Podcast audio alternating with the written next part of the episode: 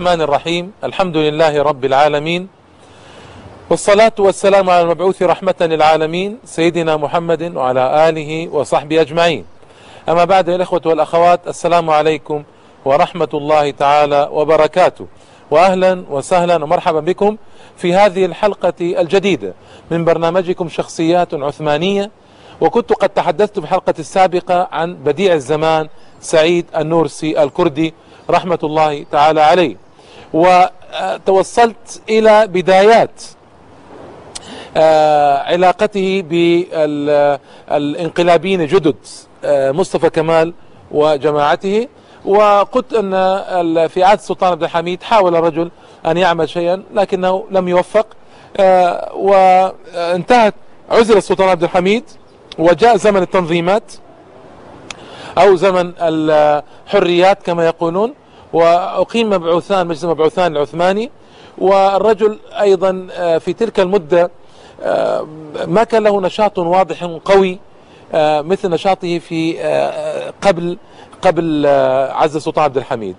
جاء جمعية الاتحاد والترقي وجاء مصطفى كمال بعد ذلك. وذكرت لكم إن في الحرب العالمية الأولى كيف الرجل جاهد مع الروس واشتغل في سبيل الله سبحانه وتعالى وهرب من الأسر وجاء إلى إسطنبول. قصة طويلة المهم لكن نشاطه الحقيقي القوي ابتدا مع وجود مصطفى كمال والتحديات التي فرضها على الدولة بعد ذلك. وهذه مرحلة يسمي نفسه فيها بعد ذلك سعيد الجديد. أي أنه استطاع أن غير كثيرا من أفكاره غير من طريقته في الدعوة في العمل إلى آخره كما سيتبين إن شاء الله تعالى.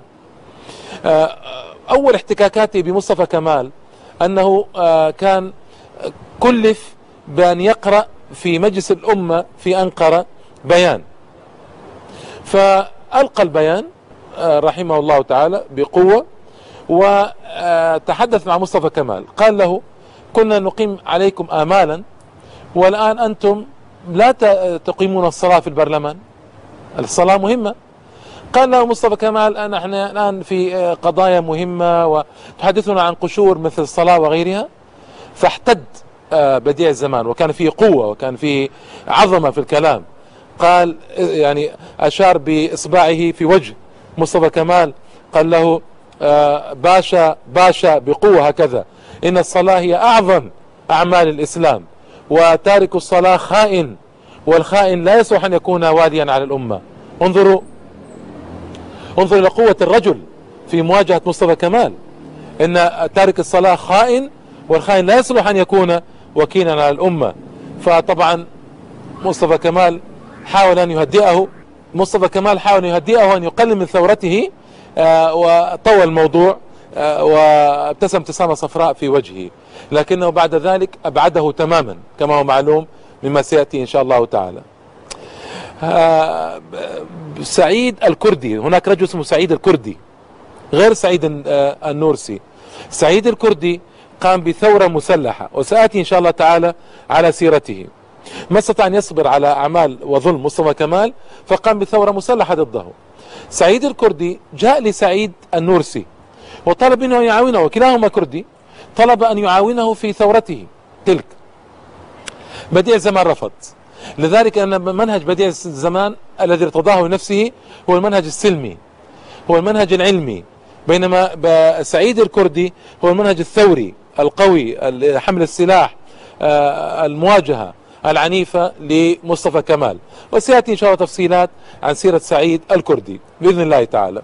في وقتها. سعيد النورسي استمر في المنهج السلمي لكن هل أعجب هذا مصطفى كمال وزمرته؟ لا.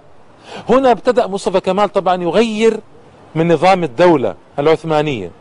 ألغى السلطنة العثمانية في 1922 اثنتين سنة 1922 ألغى الخلافة سنة 1924 وحرم الأذان بالعربية وحرم على النساء لبس الحجاب وحرم على الرجال لبس الطربوش وكان رمزا يعني رمز فقط. لو أمرهم لبس القبعات ومن لم يصنع ذلك يعلق على عواد المشانق. فشنق الآلاف بسبب الطربوش هذا وإنا لله إنا إليه راجعون. وحارب العلماء وسخر من الإسلام وسخر من تشريعات الإسلام حول اللغة العربية اللغة التركية كانت تكتب بأحرف عربية. حولها لتكتب بأحرف لاتينية. فبين آه، لحظة وأخرى قطع الجيل كله عن تراثه المجيد. تصور أن تصور يا الأخوة والأخوات أن الجيل الجديد الذي ينشأ يكتب باللاتينية لغته. طيب والذي ألفه آباؤه وأجداده طيلة قرون طويلة. ما كيف سيقرؤون ما سيقرؤون لن يقرأوا طبعا. وهذا أدى بالأتراك إلى انقطاع صلتهم تماما بتراث أجدادهم السابق وجريمة ثقافية بكل معاني كلمة الجريمة. فعلها للأسف الشديد. وأباح الخمر في بلاده ومنع الأذان بالعربية وفعل الأفاعيل السوداء. هنا طبعا العلماء بعض العلماء ضج وقاوم وثار فكان عاقبته الإعدام. أعدم آلاف من العلماء وطلبة العلم والمثقفين المفكرين. نفس كم يدعو إلى الله سبحانه وتعالى بهدوء عن طريق منهج علمي ثقافي. النقطة مهمة أرجو أن نفهمها هذه. آه، هو مع ذلك ما ترك ابتدأ البلاء يتوالى عليه الإخوة والأخوات. فسجن مرارا. سجن في وان. وان هذه مناطق الأكراد منطقة منعزلة وبعيدة جدا عن مركز الدولة. سجن في وان. آه، سجن سجنا طويلا آه، مثل إقامة جبرية عشرين سنة. تصور عشرين سنة إقامة جبرية في مكان منعزل. ليس معه أحد إلى قليل جدا من الناس. سجن عدة مرات في سجون مختلفة في منطقته الكردية. سمموه. هذا ثابت. سمم مرارا رحمة الله تعالى عليه.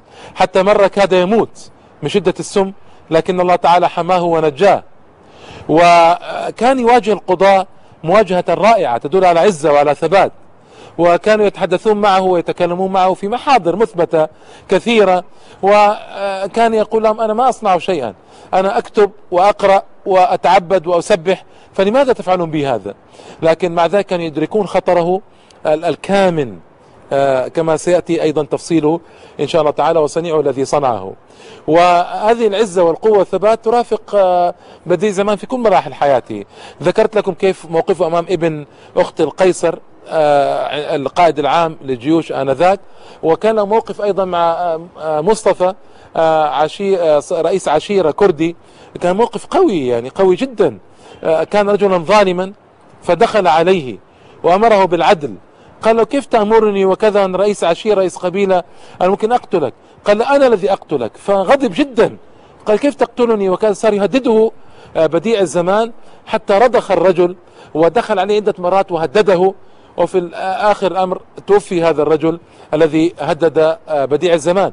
لكن موقفه مع مصطفى هذا رئيس العشيرة وتهديده إياه يدل على عزة عند هذا الرجل. وهكذا العالم ينبغي يكون عنده عزة ينبغي يكون عنده قوة في الخطاب في النقاش. وكان ينهاه عن الظلم. يقول الظلم هذا سيودي بك سيقتلك سيفعل بك الأفاعيل. إن لم تكف سأقتلك بمسدسي هذا يقول له. هو رئيس عشيرة كبير وظالم ومخيف. مع ذلك بديع الزمان يقول إن لم تكف عن ظلمك سأقتلك بمسدسي هذا. انظر لعزة العلماء. حتى أن مصطفى هذا من قهره منه وغيظه قال سأخذك إلى علماء مجموعة علماء أكراد يناظرونك. فإن انتصروا عليك قتلتك وإن انتصرت عليهم تركتك. ففعلا أخذه وقصة عجيبة فعلا. ونظر العلماء في قصة طويلة وفاز عليهم جميعا وبذلك انتصر في رهانه مع مصطفى هذا رئيس العشيرة. وفي الآخر مات هذا مصطفى وتخلص الناس من ظلمه ولله الحمد والمنة. يعني عند مواقف مثل هذه كبيرة وقوية في الحقيقة. المهم آه سجن مرارا عذب مرارا في الأخير في مكان هذا العزلة الإقامة الجبرية في وان ابتدأ يتأمل. فكتب رسائله هذه الرسائل تسمى رسائل النور. رسائل النور اليوم طبعا لها مكانة عظيمة في تركيا توزع بالملايين مطبوعة في مجلدات آه، وزعت في العالم العربي وترجمت إلى العربية عن طريق الأستاذ إحسان الصالحي وغيره أيضا. آه، آه، ترجمت إلى لغات كثيرة في العالم رسائل النور صار لها انتشار كبير في العالم. فما هي قصة هذه الرسائل؟ قصتها في الحقيقة قصة عجيبة ولطيفة ولطيفة جدا. قصتها كالتالي كان الرجل في انعزاله في انفراداته آه، يكتب تأملاته في كتاب الله تعالى كان حافظا ويتأمل في كتاب الله تعالى تأملات طويلة ويتأمل في الطبيعة التي خلقها الله تعالى يتأمل في الوجود وعنده محصول علمي كما قلت لكم محصول علمي رائع جدا ذكرته في الحلقة السابقة محصول قوي وقوي جدا في الحقيقة. هذا المحصول مكنه مع تأملاته في كتاب الله مع تأملاته في الوجود والطبيعة من كتابة رسائل جليلة. فيها مسحة صوفية وفيها مسحة فلسفية أيضا. مسحتان مسحة صوفية ومسحة فلسفية. وأيضا فيها بعض الجوانب العلمية المحضة أيضا مع هذا. فألفت هذه الثلاثة آه، رسائل قوية تخاطب العقل في الأغلب وتخاطب الروح وأيضا آه، فيها علم وعلم جيد. هذه الرسائل كانت تكتب بخط اليد لأن أصلا إن وجدت مع أي إنسان آنذاك كان عاقبته خسرا وكان آه، ممكن يدخل في سجن وتعذيب ربما يقتل فكانت تكتب بخط اليد. والرسائل هذه قصة جليلة سآتي عليها إن شاء الله تعالى في الحلقة القادمة المخرج الآن أشار بانتهاء الوقت. آه، فلله الحمد والمنة وصلى الله وسلم وبارك على سيدنا محمد وآله وصحبه أجمعين. والسلام عليكم ورحمة الله تعالى وبركاته.